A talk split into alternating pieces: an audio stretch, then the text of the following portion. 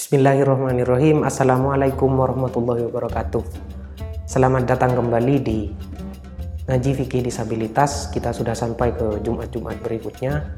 Semoga tetap konsisten. Amin. Uh, Kemarin-kemarin ada pertanyaan terkait dengan Bagaimana jika penyandang disabilitas netra menjadi muadzin atau imam sholat. Nah Sebenarnya pada dasarnya tidak ada hambatan apa-apa mengenai status penyandang disabilitas netra menjadi muadzin ataupun imam sholat. Di perkembangan saat ini juga banyak teknologi juga yang kemudian mendapat memberi tahu atau dijadikan alat oleh penyandang disabilitas netra bahwa itu sudah masuk waktu sholat, eh, mereka bisa melakukan adzan dan lain-lain uh, itu juga sangat membantu. Bahkan di dalam beberapa hadis Nabi dijelaskan bahwa salah satunya adalah misalnya sahabat Ibnu Umi Maktum yang juga di, yang juga menjadi salah satu latar belakang di dalam surat Abasah di dalam Al-Qur'an itu juga melakukan adzan dan menjadi imam sholat bahkan beliau di dalam sebuah hadis dijelaskan bahwa beliau menjadi imam sholat. Demikian. Nah salah satu hadis Nabi menyatakan bahwa anna Rasulullah sallallahu alaihi wasallam qala Inna bilalan yu'adzinu bilailin fakulu washrabu hatta yunadi ibnu ummi maktumin.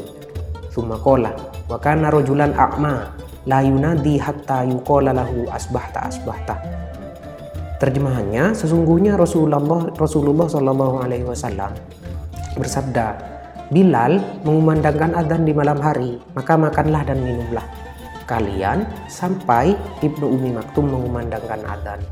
Kemudian Ibnu Umar radhiyallahu an berkata, Beliau adalah penyandang disabilitas netra yang tidak akan mengumandangkan adzan sampai ada yang mengatakan kepadanya waktu subuh telah tiba, waktu subuh telah tiba. Hadis ini diriwayatkan oleh Imam Bukhari uh, secara perawi secara periwayatan berarti statusnya sohih ya.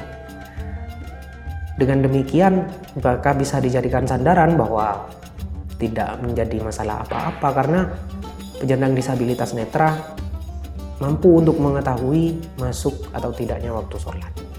Dalam hadis lain juga disebutkan karena in kana ibnu ummi maktumin yu'adzinu li rasulillahi sallallahu alaihi wasallam wa huwa ini diriwayatkan oleh Imam Muslim bagaimana uh, Imam Ibnu Umi Maktum itu mengumandangkan adzan untuk Rasulullah. Kalau misalnya menjadi imam sholat bagaimana? Ini sama juga pada dasarnya uh, dan juga ada hadis Nabi yang berkenaan dengan hal tersebut bagaimana penyandang disabilitas netra menjadi imam sholat. Salah satunya adalah Itban bin Malik di dalam sebuah hadis dijelaskan bahwa anna itban ibn malikin kana ya ummu qaumahu wa huwa a'ma wa annahu qala li rasulillah sallallahu alaihi wasallam innaha takunu dhulmatu wassailuh wa ana rajulun tarirul basari fa salli ya rasulullah fi baiti makanan attakhidhuhu musalla faja'ahu rasulullah sallallahu alaihi wasallam faqala aina tuhibbu an usalliya fa ila makanin minal baiti fasolla fihi Rasulullah sallallahu alaihi wasallam jadi Itban bin Malik bahkan menunjukkan tempat di mana Rasulullah dapat melakukan sholat.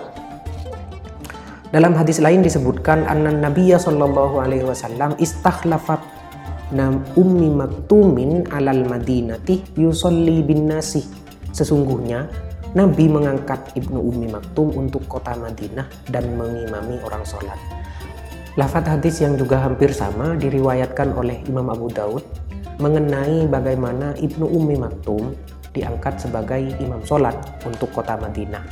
Yang mengangkatnya sebagai imam sholat tentu adalah Rasulullah SAW. Terima kasih, jangan lupa like video ini, subscribe juga channel Pusat Studi dan Layanan Disabilitas. Sampai jumpa di Jumat-Jumat berikutnya. Uh, Wallahul muwafiq ila aqwamit thoriq. Wassalamualaikum warahmatullahi wabarakatuh.